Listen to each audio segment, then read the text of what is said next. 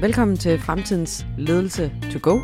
I den her episode, der skal vi tale lidt om, hvordan du så bygger en tilpasningsstærk organisering, når det er sådan, du har fundet nogle signaler, øh, nogle trends, der påvirker og er kontekstnært for dig. Så øh, grib din kop kaffe og lyt med, når vi gennemgår fire forskellige ting, du kan gøre.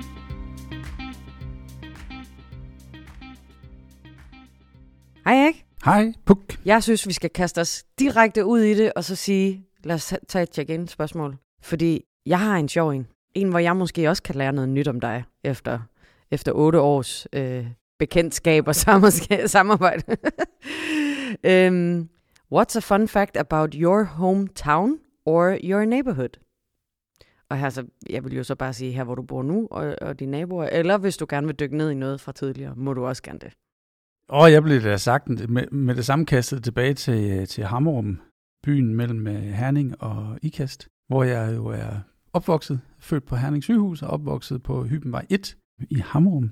En fun fact, på et tidspunkt så blev der, øh, der er jo altid i de her små byer, der er der jo altid idrætsforeninger, og der er gymnastikhaller, øhm, så naturligvis, for det er en del af det, man gør, når man bygger øh, den type samfund, at sikre, at der er sådan nogle steder.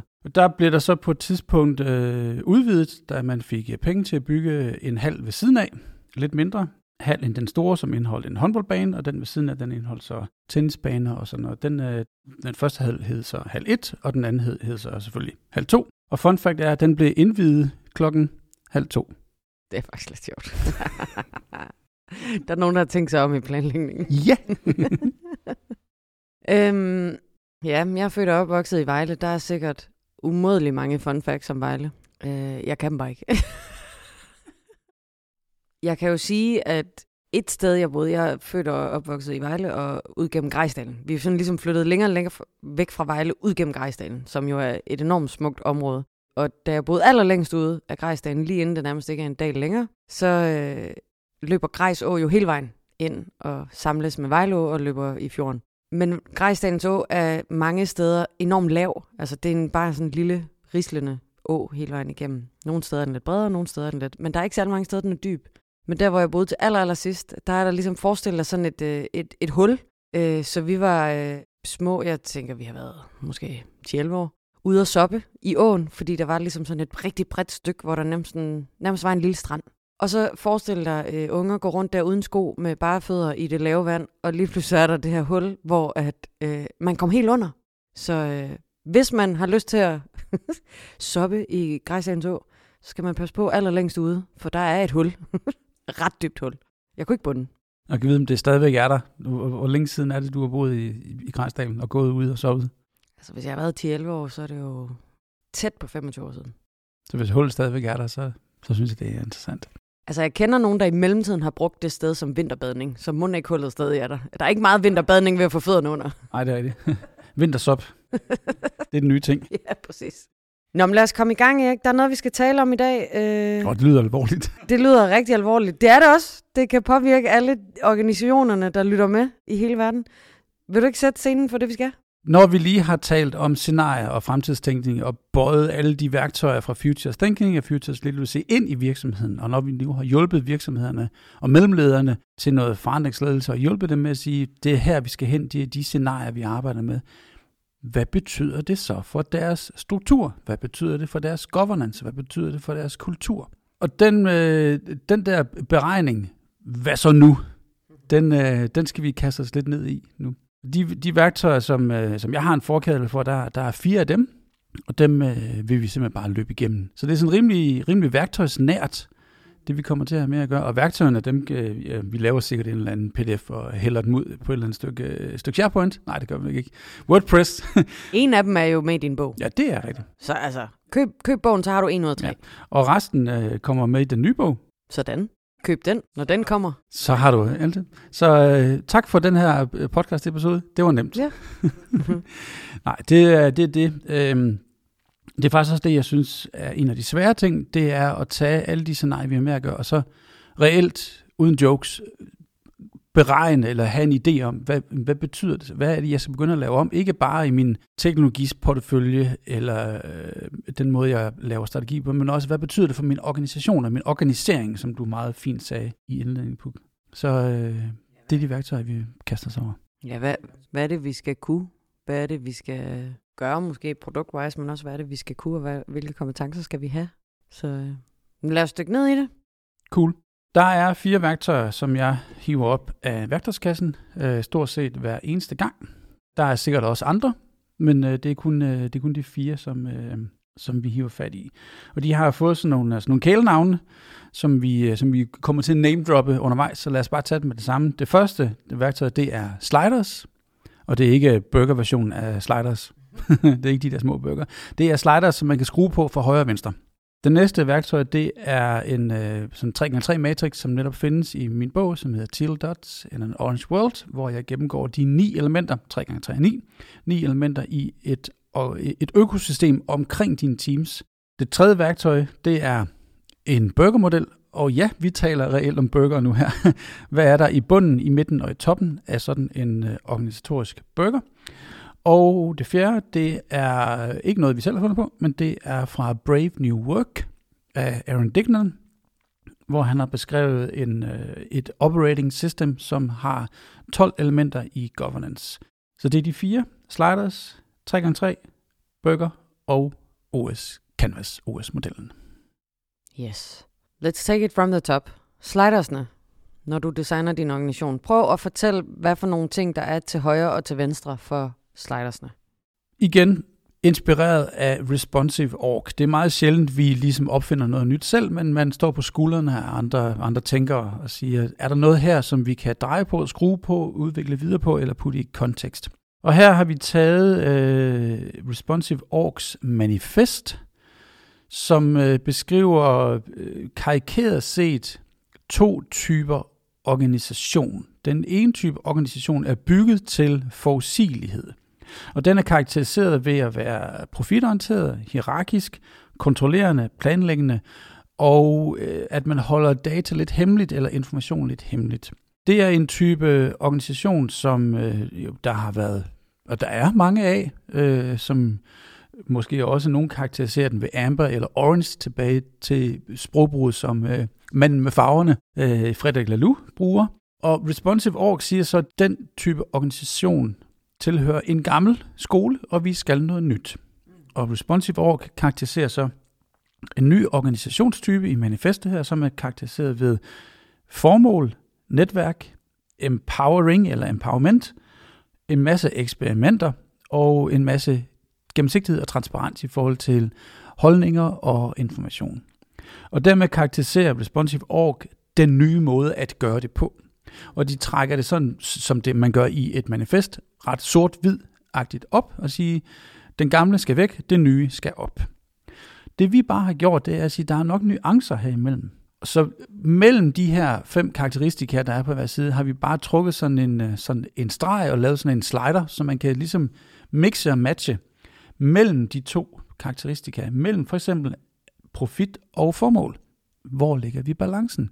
Mellem for eksempel hierarki og netværk. Hvor ligger vi balancen? Så pludselig begynder vi at arbejde med nuancer og øh, et mix af de her øh, modsætningsforhold. Sat ind i kontekst af futures thinking og scenarierne. Når man så står med et nyt scenarie, man skal arbejde med, eller man siger, at det her det er både noget, vi, noget der er sandsynligt, og noget, vi foretrækker, altså både øh, plausible og preferable scenarie. Hvad betyder det for de her sliders? Hvad for nogle af dem er vi så nødt til at skubbe på? For eksempel er vi nødt til, siger man, at skubbe på den slider, der handler om hierarki og netværk. Vi er nødt til at skubbe den helt over mod netværk. Vi er også nødt til at skubbe på den, der hedder øh, transparens. Vi er nødt til at skubbe den længere over mod, eller hvad det nu end er. Men snakken om, hvor er sliderne i dag, og i lyset af det scenarie, vi gerne vil arbejde med, hvor skal de så flytte sig hen? Så det er det hele øh, samtalegrundlaget starter med. Mm. Og så får man, altså det bliver jo sådan lidt en uh, as is to be gap analyse på en eller anden måde, hvor man finder ud af, okay, men hvis vi skal sådan et stykke tættere på transparens, hvad betyder det så? Hvad indebærer det? Præcis. Ja, en, en typisk måde at gøre det på, det er at sige, hvor er vi i dag, og hvor vil vi gerne hen. En anden typisk måde at gøre det på, det er at spørge ledergruppen, og også samtidig spørge medarbejderne, om de har et andet syn på det. At sige, hvor, hvor er vi i dag, og hvor skal vi hen? Det siger også noget om, hvor bøvlet kan forandringsledelsen være. Hvis der er et stort gab mellem ikke as Tubi, men mellem hvor medarbejderskarne tror vi er, og hvor lederne gerne vil hen, så kan det være rigtig bøvlet at have med at gøre. Øhm, så det siger noget om den effort og den skulder, man skal lægge mod forandringen. Mm. Jeg har på et tidspunkt brugt sådan en, øh, det var ikke lige helt de samme ting, der var på slidersne, men brugte det ned i et team, hvor at teamet heller ikke var det samme sted. Og hvor vi så snakkede om, hvor vi gerne vil hen. Og så bagefter få ledernes opfattelse af, hvor tror I teamet er hen. Det er altså nogle interessante snakke, der kommer ud af det her. Og jeg tror bare, at det der greb med at bruge sliders, det gør det nemt for folk at sige... Altså nogle gange så rater man fra 1 til 5, men så er man noget konkret. Man er en 3'er eller et eller andet. Hvor sliders, den er sådan lidt mere... Hmm, jeg tror, jeg er her. Så som du nævnte, der var mange flere nuancer, man kan tage hul i, og det resonerer godt ved folk, synes jeg. Noget af det, vi træner, det er forestillingsevne og storytelling. Og når man bygger et af de scenarier, man har med at gøre, når man bygger det i Lego for eksempel, som vi gør en gang imellem, så laver vi fremtidsscenarier. Hvad sker der om to år eller fem år i, i, på vores hospital? Så bygger vi det her scenarie. Som konsekvens der kan man jo pege på Lego-tegningen, Lego-modellen og sige, hvis det her skal være sandheden, så er vi nødt til at flytte den og den slider så så langt mod højre for at det her kan lade sig gøre. Så dermed begynder man at koble scenarierne og den kultur og den governance, man har i sin organisering direkte med hinanden. Så der er en en-til-en kobling mellem det, det, man ser i scenariet, og der, hvor slideren sandsynligvis skal bevæge sig hen. En sidste læring, jeg lige vil sige til den her, der er, hvis man sådan kan huske tilbage i modellen, der er, øh, der er fem sliders. Den nederste slider handler om privacy og transparency, altså hvor hemmelig holder man data, og hvor transparent og gennemsigtig er man med data. Min erfaring er, når man konkret i organisationen begynder at arbejde med den slider, så er det en trigger for alt andet. Så skal man have sin forandringsledelse smurt, skal man have puttet øh, olie ned i sin forandringsledelse, så er det der, man starter. Det er den, der har den absolut største effekt på resten af slideren, så de flytter sig. Det synes jeg er en, øh, ikke nødvendigvis lavt hængende frugt, men det er sådan et tydeligt sted at starte. At sige, vi er nødt til at åbne for information, vi er nødt til at åbne for den måde, vi holder møder på. Vi er nødt til at åbne for vores samtaler, vores holdninger, vores resonemanger og invitere folk til at forstå, hvad vi tænker, så det er ikke bare noget, der bliver givet til folk, doseret med omhu, men alt er tilgængeliggjort. Den næste er taget fra min bog, Teal Dots in an Orange World, som netop peger på, hvis man som leder af en business unit, leder af en afdeling, vil lave noget, som er lidt anderledes end det økosystem, man er en del af. For eksempel lave en teal prik ind i en orange verden, eller lave en business unit, som takler nogle af scenarierne i øh, Futures Thinking, eller nogle af trendsene i Future Work på en anden måde, så er det nok begavet at forstå den kontekst, man er en del af. Så når man betragter sig selv som en, øh, som en teal dot, så er der otte områder omkring en, som man kan have en holdning til. Og for hver de otte skal man så sige, okay, hvilke af dem er begavet at flytte på, hvilke skal jeg flytte på med det samme, hvilke skal jeg skubbe, og øh, kan jeg ikke, eller vil ikke flytte på, hvilke har den største effekt eller laveste effekt. Og de, øh, de otte, lad mig lige løbe igennem dem. Det er sådan en øh, uh, 3x3 matrix. Inde i midten af det her 3x3, der smider vi så selve teamet. I den øverste række, der er alt det, der handler om kultur. For eksempel, hvordan sikrer jeg, at min organisation øh, omkring mig, og at det, jeg gør selv, at vi har samme formål, at vi har samme strategi, at vi løber samme sted hen. Og er der noget i det, jeg laver, som er i modstrid med min organisation, fordi jeg pludselig begynder i lyset af min fremtidstænkning at have nye indsigter om, hvad det er, jeg skal producere. Så hænger min strategi sammen med min organisation, eller skal vi se os selv som en lille smule mere løsrevet? I hvor høj grad har vi en homogenitet? Og også, hvad er det så, organisationen kan hjælpe mig med som en platform? Kan organisationen stadigvæk levere for eksempel den type kontrakter, jeg gerne vil have? Hvis vi arbejder med future work og kigger på, det, på øh, den individuelle tilgang til, hvordan jeg gerne vil arbejde, fire, fire dage om ugen, eller arbejde hjemmefra, eller arbejde hybrid, eller have et mix, eller være gig worker, hvad betyder det så for de kontrakter, vi laver, og i hvor høj grad kan HR stadigvæk hjælpe os med dem? Skal vi prøve at lave noget nyt? Det næste er så, hvad er det for et kultur, som vi har, øh, hvad er det for et sammenhold, vi har med organisationen? Skal vi prøve at lave et nyt narrativ hos os? Nogle nye myter, som vi skal gøre op med, eller nye myter, vi skal skabe? Skal vi skabe et mikrosamfund hos os, hvor vi har vores eget jargon, vores egen måde at gøre det på, vores egne fredagskattevideoer, som vi sender til hinanden for at skabe en identitet blandt os? Og den tredje, som handler om kultur, det siger, hvad er det for nogle mennesker, som kan hjælpe individerne, altså den personlige coaching, den personlige udvikling, den personlige tilgang, den personlige læring, kan vi, eller skal vi lave noget andet? Skal vi gøre om i den måde, vi laver det? Den midterste del af, den her 3x3 handler om den måde, der bliver truffet beslutninger på. Den måde, vi får lov til at gøre noget, eller tager lov til at gøre noget. Den måde, vi får eller tager et mandat. Den måde, man som en mere progressiv øh, business unit, eller med de scenarier, man lige har talt igennem i Futures Thinking, øh, vil bruge penge? Vil man investere i øh, ny teknologi, som man vil eksperimentere med? Vil man investere i vores fysiske lokaler? Vil man investere i teknologi, som gør det muligt, at vi kan arbejde, hvor vi nu end er? Vil vi bruge nogle penge på kunstig intelligens? Hvad må vi selv bestemme, og i hvor høj grad skal vi koordinere det med andre? I hvor høj grad skal vi sørge for, at de ledere, som er omkring os, enten fungerer som øh, styrgruppe eller som rådgivningsgruppe for os?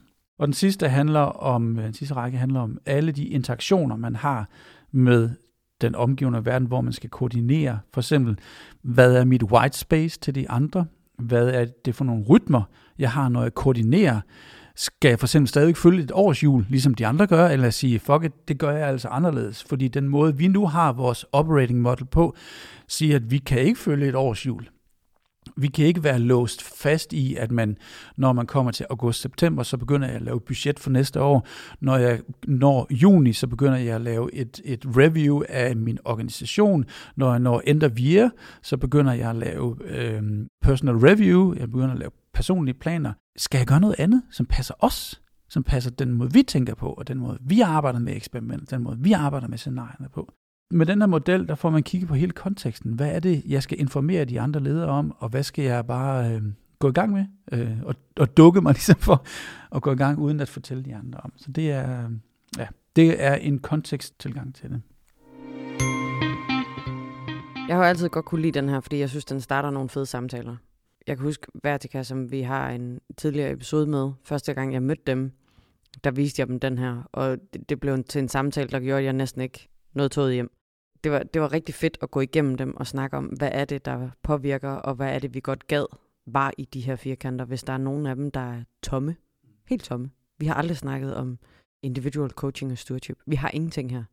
Hvad er det så, der mangler?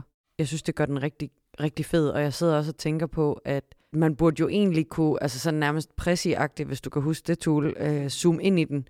Så hvis du har hele organisationen, og bare sige tusind mennesker, mange forskellige øh, områder, hvad er det så, der ligger rundt om organisationen, som kan gribe dem alle sammen? Der er sikkert nogle HR-strukturer, som du lige nævnte, der gælder for alle.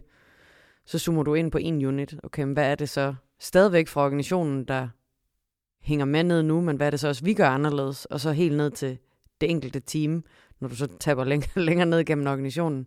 Hvad er det så, der er rundt om os, og hvad er det, vi måske bygger på? Øh, og hvor er det, vi ikke behøver at bygge på, fordi HR har os der, så det behøver vi ikke, men vi har måske ikke selv noget med, som du nævnte, årsjul og rytmer. Vi gør det anderledes der, så hvad er det, vi så selv bygger? Så jeg synes, det er lidt interessant i, at den her kan jo foldes ud på forskellige niveauer i organisationen i princippet, og kortlægge, hvad har man så brug for helt ned i teamet, og hvad gør organisationen allerede? Øh, hvis man er en, en tealdot, der sidder et eller andet sted med meget orange omkring sig, ikke? Ja, jeg er helt enig da jeg skrev til Dot in an Orange World, der havde jeg faktisk et helt kapitel, som fokuserede på den, lige præcis det, du siger, den der fraktale tilgang til det, at man kan, inde i midten af det, kan du smide din business unit med 1000 mennesker, og så kan du zoome ind, og så kan du igen smide en afdeling på, på 150, eller du kan zoome længere ind, og have et, et team på fem, og helt ind på dig som menneske, og sige, hvad er det? Altså, det kan jeg, det kan jeg sagtens se. En anden vinkel på det her, at sige, det her, det kan jo, altså en af de konsekvenser, jeg kan se som future work, det er, at det bliver meget mere fragmenteret at vi kommer til at have øh, et, et, et mere broget landskab, og folk kommer til at, at snuppe sin operating model og gøre den meget lokal og gøre den meget, meget mere individuel.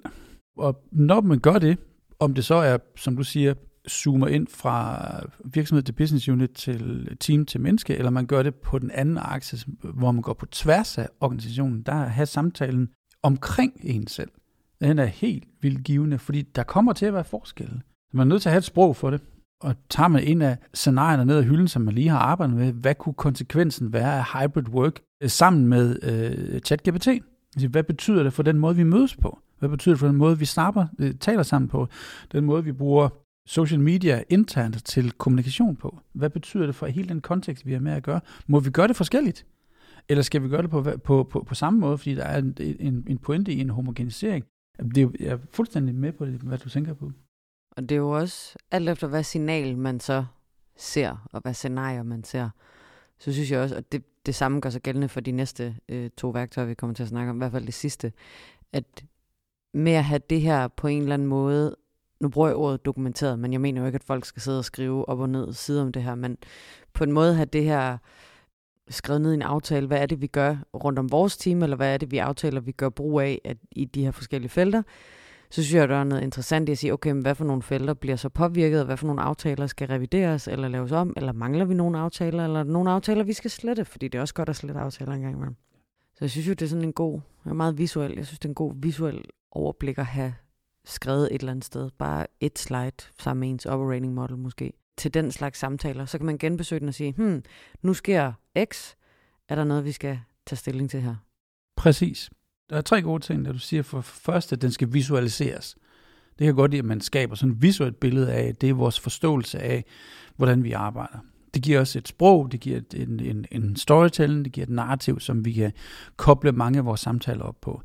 Det næste, du siger så, er, at, at så kan man genforhandle dem, når man, altså på et tidspunkt, så kan sige, det her, det, det er vores aftale fra nu og måske næste halve år, indtil vi har lært noget. Så det er skrive expiry date på nogle af de her dokumenter og sige, det her dokument, det, den her visualisering, vi har lavet nu, den gælder fra nu og til sommer.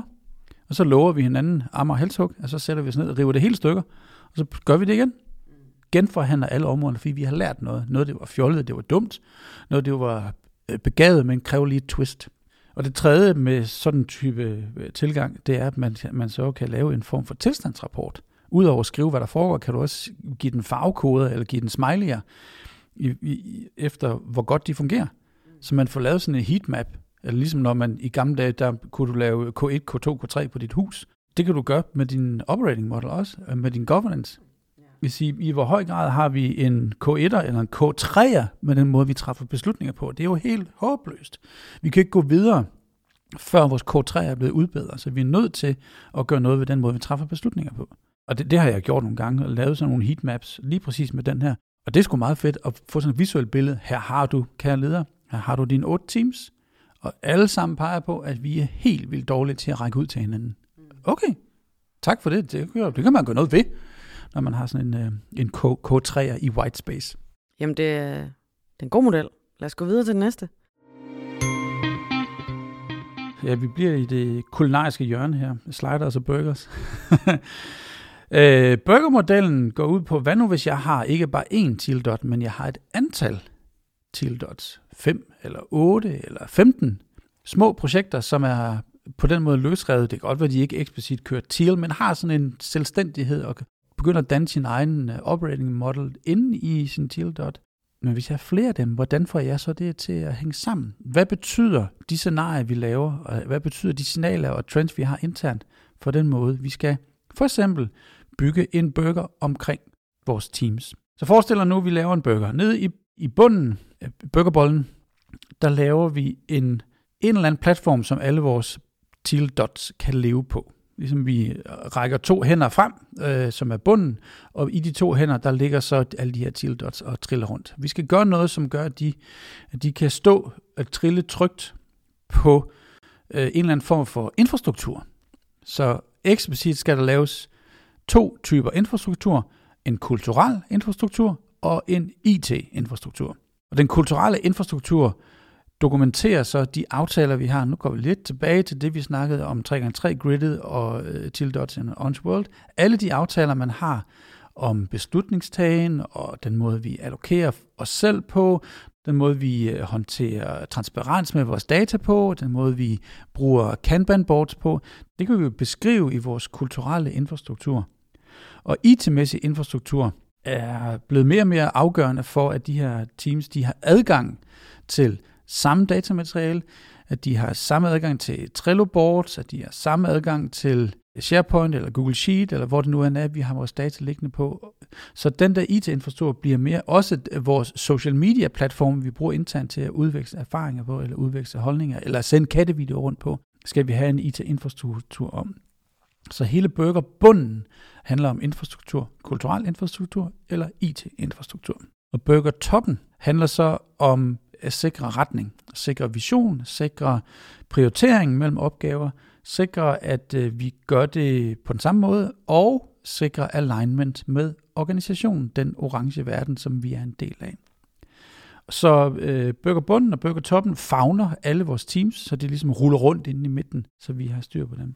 Det, der så er sjovt, når man så tænker på det, det er, i lyset af alle de scenarier, vi har talt, alle de trends, alle de signaler, vi har, hvad er det så, der bliver påvirket her?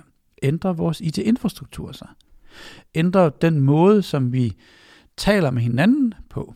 Ændrer antallet af teams sig? Ændrer selvstændigheden i teams sig? Er de mere autonome eller mindre autonome? Må de arbejde på hver sin måde, eller skal de arbejde homogent? Skal de bruge samme IT-platform? Skal de træffe beslutninger på samme måde? Og også den øverste burgerdel, øh, burgertoppen, hvad betyder det for dens måde at for eksempel få penge på eller bruge penge på? Hvordan skal man samarbejde med strategilaget i sin virksomhed? Man skal sørge for, at indholdet ikke falder ud. Ja, det skal man. Så bøger, bøgerbunden skal have sådan en lille kant, så det ikke, så det ikke ruller over kanten. Der er ikke noget værre end at tabe halvdelen af sin burger. Ja, det med sviner. ja, det er rigtigt. Jeg synes, den er meget sjov, den her. Jeg har ikke, øh, jeg har ikke selv haft fornøjelsen af at bruge den særlig meget. Men jeg kan godt lide tanken om det. Måske er det også, fordi jeg er en burger-type. Men øh, jeg kan godt lide det der med, at der er noget, der fagner noget andet. Ja. Så det, det, som jeg ser folk, de mangler mest, når, når vi går rundt og kigger på virksomheder, der prøver det her af, hvor de har mere end en tildot, hvor de har et antal. Det, der mangler mest, det er faktisk IT-infrastrukturen. Og det er at sikre, at vi gør det på den her måde. Det kan godt være, at man de første 6 eller 9 måneder famler sig ind i en IT-infrastruktur og siger, at ah, verden er holdt sammen af Gaffatake, øh, Dropbox og, og Excel.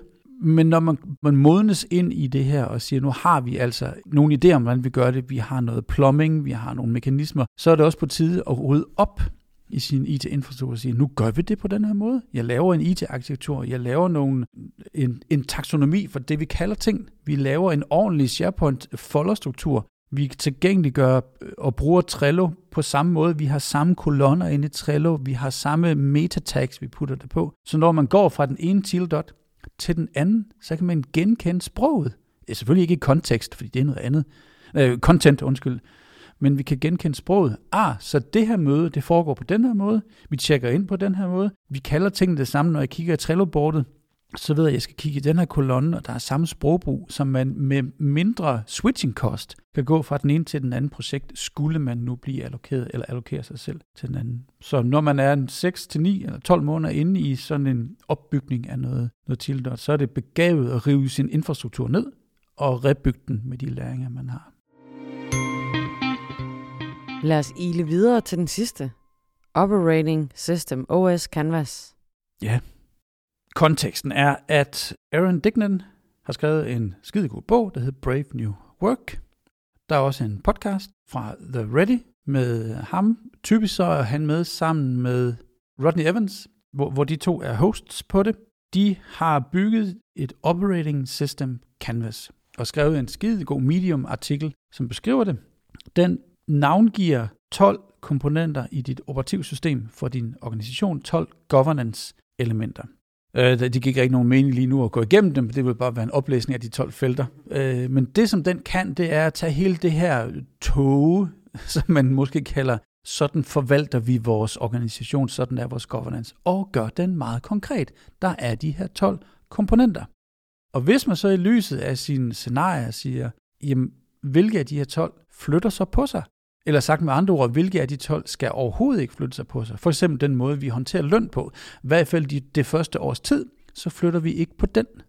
Det kan godt være, at vi flytter på den måde, vi taler om tilhørsforhold, eller den måde, vi taler om vores struktur på. Og hvad har vi lyst til at flytte på, og hvad er svært at flytte på? Så det giver et sprog for, hvor konkret kan vi investere vores tid og vores penge i at udvikle vores organisations governance på. Jeg brugte den i går, øh, helt konkret, hvor vi havde et, et netværksarrangement med nogle af de her øh, ledere, vi arbejdede med, og simpelthen klippede de her 12 ud, printede dem ud i sådan ret stor, så man kan læse, hvad der står, og lagde dem på bordet og sagde, nu skal I bruge den næste hal- halvanden time på at tale dem her igennem. Hvad for nogen vil I gerne ændre? og hvad for nogen vil I gerne lade være med at ændre, fordi det enten er bøvlet, eller det er lige meget, eller det er ikke lige nu. Der er flere dimensioner på det. Så det, som de selv reflekterer over, det giver bare samtalen en retning. Og lidt tilbage til, du også sagde, Puk, før med, man kan jo visualisere det her, tegne det på, printe det ud i A3 eller A2 eller A0, hænge det op på væggen og sige, de næste 12 måneder, der gør vi ikke noget ved det her. Bare så I ved det, den her flytter vi ikke på. Det kan man også sige til sine stakeholders. Sige, vi flytter ikke på den måde, vi taler om løn. Flytter ikke på den måde, vi deler information på, eller den måde, vi er innovative på. Men vi skal og vil gøre noget ved den måde, vi mødes på. Den måde, vi har vores mandagsmøder eller vores town halls. For det synes vi, i lyset af vores trends og signaler og scenarier, er vigtigt at gøre noget ved. Mm. Ligesom de andre øh, tre, vi har snakket om, alle de her fire, så de er jo enormt gode til at starte samtaler. De er enormt gode til at visualisere, hvor er vi, hvor vil vi gerne hen. Finde de der huller til, hvad skal forandres. Og jeg synes ligesom også, det at der, man måske opdager, især i den her, fordi den har lidt flere felter og sådan lidt mere på, på governance-delen om, hvad vi gør her. Men man finder måske også nogle gange nogle afhængigheder. Du nævnte det der ved slidersen, at hvis man flytter på den med øh, transparens, så påvirker det oftest de andre. Og det, det er sådan nogle ting, man måske ikke normalt vil få tænkt ordentligt igennem, hvis man ikke har det synligt, hvis man ikke har det øh, kortlagt, så alle er det samme sted i det hele taget, og man heller ikke har forskellige øh, hjerner i lokalet til at kunne tænke forskellige scenarier igennem. Så jeg synes, det er enormt gode værktøjer til at starte den samtale som udgangspunkt på en eller anden måde. Og det kan godt være, at der er en af de her fire, der taler mere til en end de andre, og så starter man jo bare der. Man skal jo ikke bruge alle fire. Altså, det vil, der er lidt overlap nogle steder, så, øh, så, så det, der lige taler til en, er måske det nemmeste at starte med. Helt, helt rigtigt. Den, du får mest energi af, eller den, der irriterer dig mest, kan også være et godt sted at starte. Den, der provokerer dig mest, er også et godt sted at starte. Nu går vi lige lidt tilbage i teorien omkring futures thinking og nogle af de værktøjer, der er der.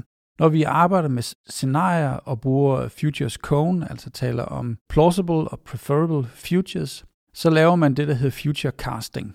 Og future casting handler om at få beskrevet meget detaljeret de scenarier, der ligger i enten noget plausible eller preferable future, de scenarier derude, så det er future casting.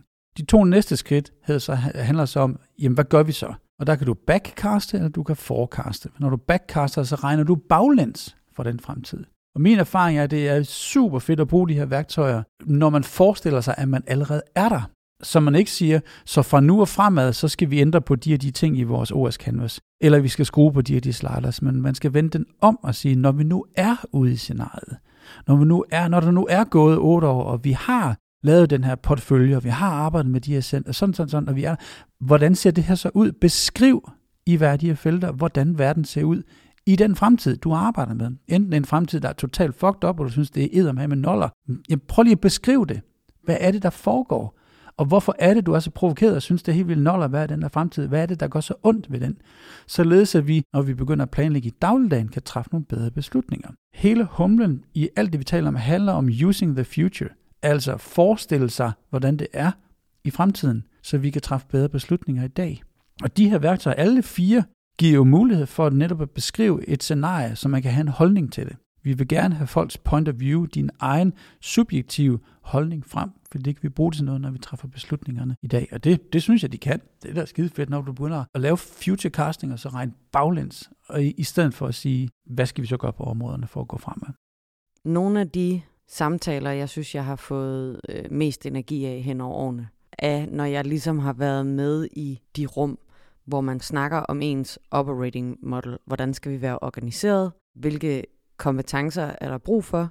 Hvilke teams skal vi så organisere os efter? Er det efter kompetencer? Er det efter produkt? Er det efter service? Er det efter et stadie i en fase eller et eller andet? Der er mange forskellige måder at gøre det på. Men jeg synes, de samtaler giver mig enormt god energi, og jeg tror, det er fordi, jeg elsker at have det perspektiv, som nogle af de modeller her har, og hvad kan man sige, synliggøre huller i osten, synliggøre afhængigheder, prøve at få det til at gå op. Det er jo et puslespil, der skal lægges. Både der, hvor man er i dag, hvis man konkret står og snakker om det, men også som du siger, når man så sidder med et scenarie, hvordan ser den så ud i det scenarie? Hvordan ser den ud i det scenarie? Hvor mange brikker har fået en anden farve eller ligger et andet sted? Og jeg synes, det er så interessant, og jeg ved, det ikke interesserer alle, men jeg synes, der er altid, nu generaliserer jeg lidt, men i, i de øh, sessioner, jeg har været med til om det, Der har vi været nogle, en håndfuld mennesker. Der er ligesom øh, nogen, der har fået nogle gode idéer, og vi prøver at jagte de gode idéer. Og øh, der er god energi til at starte med, og man får bygget nogle ting og tegnet nogle streger. Og så på et eller andet tidspunkt, så kommer man ned i sådan et hul af øh, håbløshed og opgivenhed, og det kan ikke gå op, og man sidder og river sig lidt i håret. Måske der, der er helt stille i rummet, for alle sidder bare og kigger på det whiteboard, man har tegnet streger på, og tænker, at det kommer aldrig til at lykkes det her. Forhåbentlig er der i den situation en eller anden øh, venlig sjæl, der foreslår en øh, kaffepause eller et eller andet, så man lige kan holde en pause og komme tilbage med fornyet energi. Men derefter, så oplever jeg også altid, at så er det ligesom sådan en ketchup-effekt, der kommer ud af en gammeldags glasflaske. Lige pludselig, så er der en, der siger, men hvis nu vi gør sådan der, og så falder alle de andre brikker på plads på en eller anden måde, og så får man den der energi tilbage, og lige pludselig har du et udkast til din operating model, om det så er den nuværende, den øh, om to år, den om fem år, eller den om ti år, i forskellige scenarier. Men det er altid sådan, jeg får, altså, oplever de der snakke. Der kommer altid det dyk, og ellers så handler det om at finde de der huller og connect the dots og lægge de der puslebrikker. Og jeg elsker det. De der samtaler om sådan nogle tools er fantastiske. Jamen, det er jo fedt, fordi det, der jo sker ved, ved de der samtaler, det er, at man gør op med sine myter. Og helt tilbage i de to elementer, som er vigtigst, når vi taler futures literacy, det er at forstå dine forventninger og dine antagelser. Og når man begynder at gå op med de der antagelser, eller og, og myter og historier og biases og øh, det, man tror er sandheden, så sker der noget. Så for eksempel en myte om, jeg kan jo ikke lave om i min løn, lønstruktur. Ah, er du helt sikker på det? Jeg kan jo ikke lave om i den måde, vi træffer beslutninger på, for der er altid en styregruppe. Ah, er du helt sikker på det? Altså, man kan begynde at provokere og sige, hvad nu hvis jeg laver om? Hvad nu hvis jeg rent faktisk siger, jeg, at alle de ting, dem, dem kan vi gøre anderledes. Jeg kan selv bestemme bare for et stykke software, jeg installerer. Hvad nu hvis det kan lade sig gøre? Så lege videre med den der what if, what if, what if, what if, what if. Det er jo super interessant, fordi du netop der får afdækket myter, antagelser, og får skubbet til antagelser og sige, det kan vi nok gøre anderledes. Ja, det synes jeg, det er fedt. Når man så har netop nået det, så kommer man til den sidste fase i sådan et møde, som øh, jeg oplever nogle gange bliver glemt. Fordi at så har man ligesom tegnet det fedt, så går man ud af rummet og tænker, det var dejligt. Men man har glemt at lave, hvem gør hvad. Hvem gør nu hvad? Og der er, hvis man har gjort op med myten om løn, eller i hvert fald skal til at gøre op med den, og finde ud af, om man kan påvirke den, så skal man jo finde ud af, okay, hvem i det her lokale går ud og snakker med hvem, for at få fat i hvem, som kan faktisk gøre en forskel. Så der bliver noget med at øh, altså begynde at lave basalt set en to-do-list. Hvem gør hvad? Og netop når man skal gøre op med de der myter, så kan der godt være en idé i at kortlægge den sphere of influence, man har i lokalet. Vi sidder den her håndfuld mennesker. Hvem kender hvem i organisationen? Hvem kan påvirke hvem i organisationen? Hov, ham der er ikke så glad for den måde, jeg arbejder på. Det er nok ikke mig, der skal snakke med ham. I ved sådan nogle ting, og så finde ud af, okay, hvordan kommer vi den her myte til livs? Hvordan får vi øh, gjort noget ved den lønstruktur?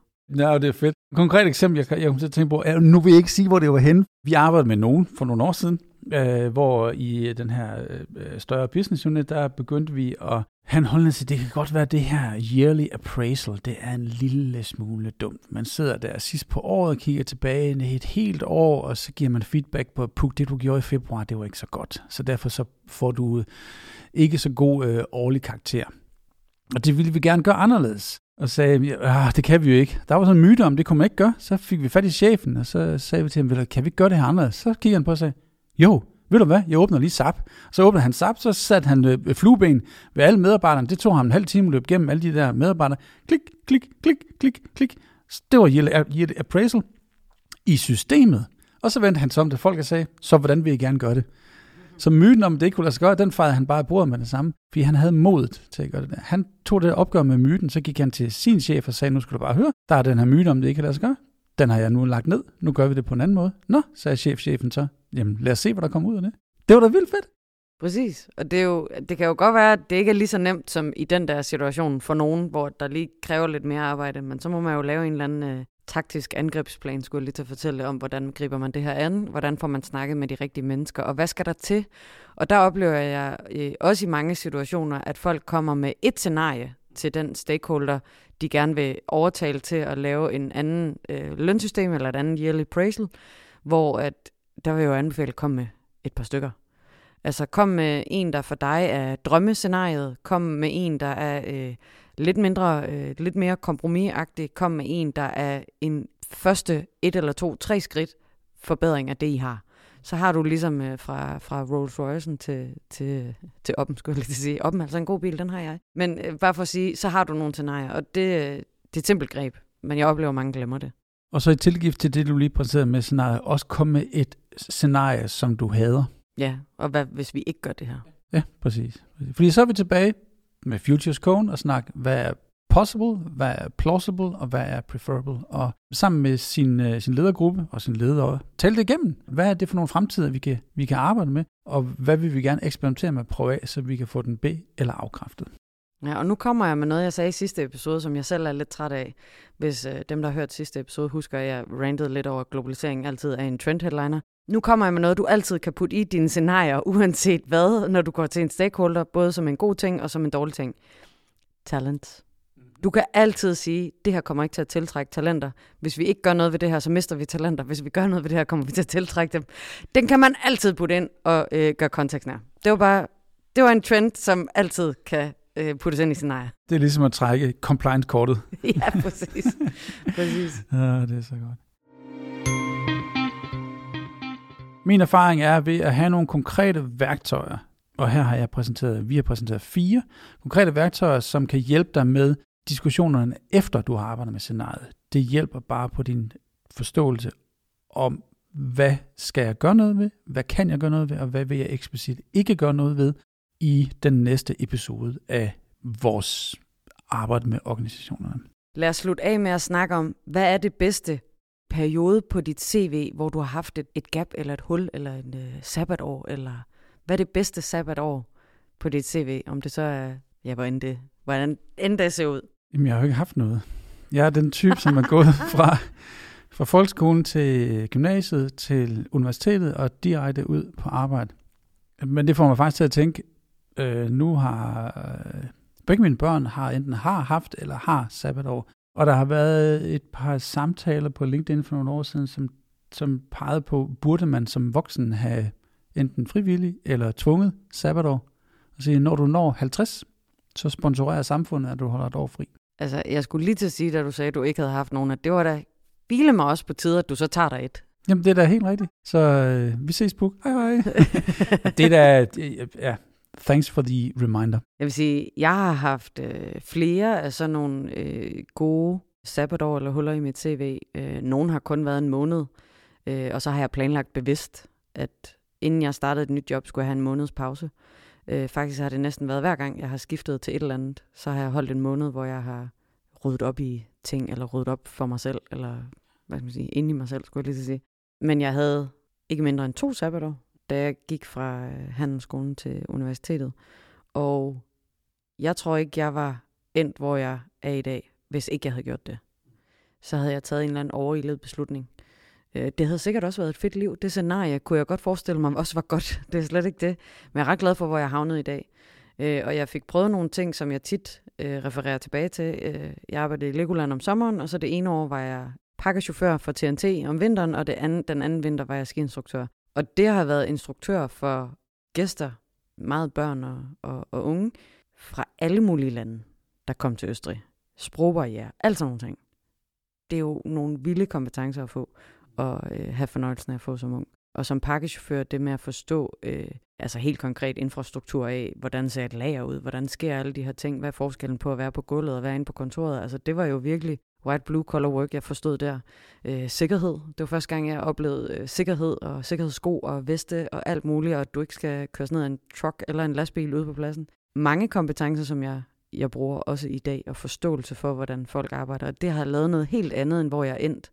Er enormt fedt. Altså, jeg, jeg tror ikke, jeg kan pinpoint et godt sabbatår. Alle sammen har været sjove. Og jeg tror, man burde lave noget helt anderledes en gang imellem. Jeg synes, det er ærgerligt, at når man går ud og søger et andet job, fordi man gerne vil skifte branche eller prøve noget andet, at man så for eksempel kommer og får at vide, du er overkvalificeret. Hvor sådan, jamen jeg er jo ikke kvalificeret til det her, jeg vil gerne prøve at lære det her, jeg vil gerne skifte. Lad mig dog bare øh, lave et eller andet i et år for at prøve noget andet. Og der kunne jeg godt lide tanken bag det der tv-program, hvor at topcheferne var klædt ud og kom ned på gulvet og oplevede det. Øh, jeg synes ikke helt tv programmet, i hvert fald det amerikanske og det danske, er sådan helt, det er ikke sådan 100% succesfuldt, men ideen om det, synes jeg er god. At øh, dengang jeg var i La Landia, at øh, topchefen kom ned og stod og sang med på scenen på de, når man arbejder, der er trælse sange, der kører igen og igen, man får gæsterne underholdende sange med la la la la landia, la la la landia. Det var jo... Øh, det var en fed oplevelse. Altså, det skal man gøre. Alle dem, der øh, ligesom der ikke har haft sabber, ud at tage sabbatår. Læs bogen Wintering. Start om vinteren, og så voks i foråret, og finde ud af, hvad du vil implementere i sommeren. Og gøre noget anderledes i efteråret. Og så kan du komme tilbage. Lige præcis der, hvor du gerne vil. Med disse ord vil jeg invitere Puk ned ad ølkassen. tak. Så øh, jeg håber, jeres kaffe var god. Vi snakkes.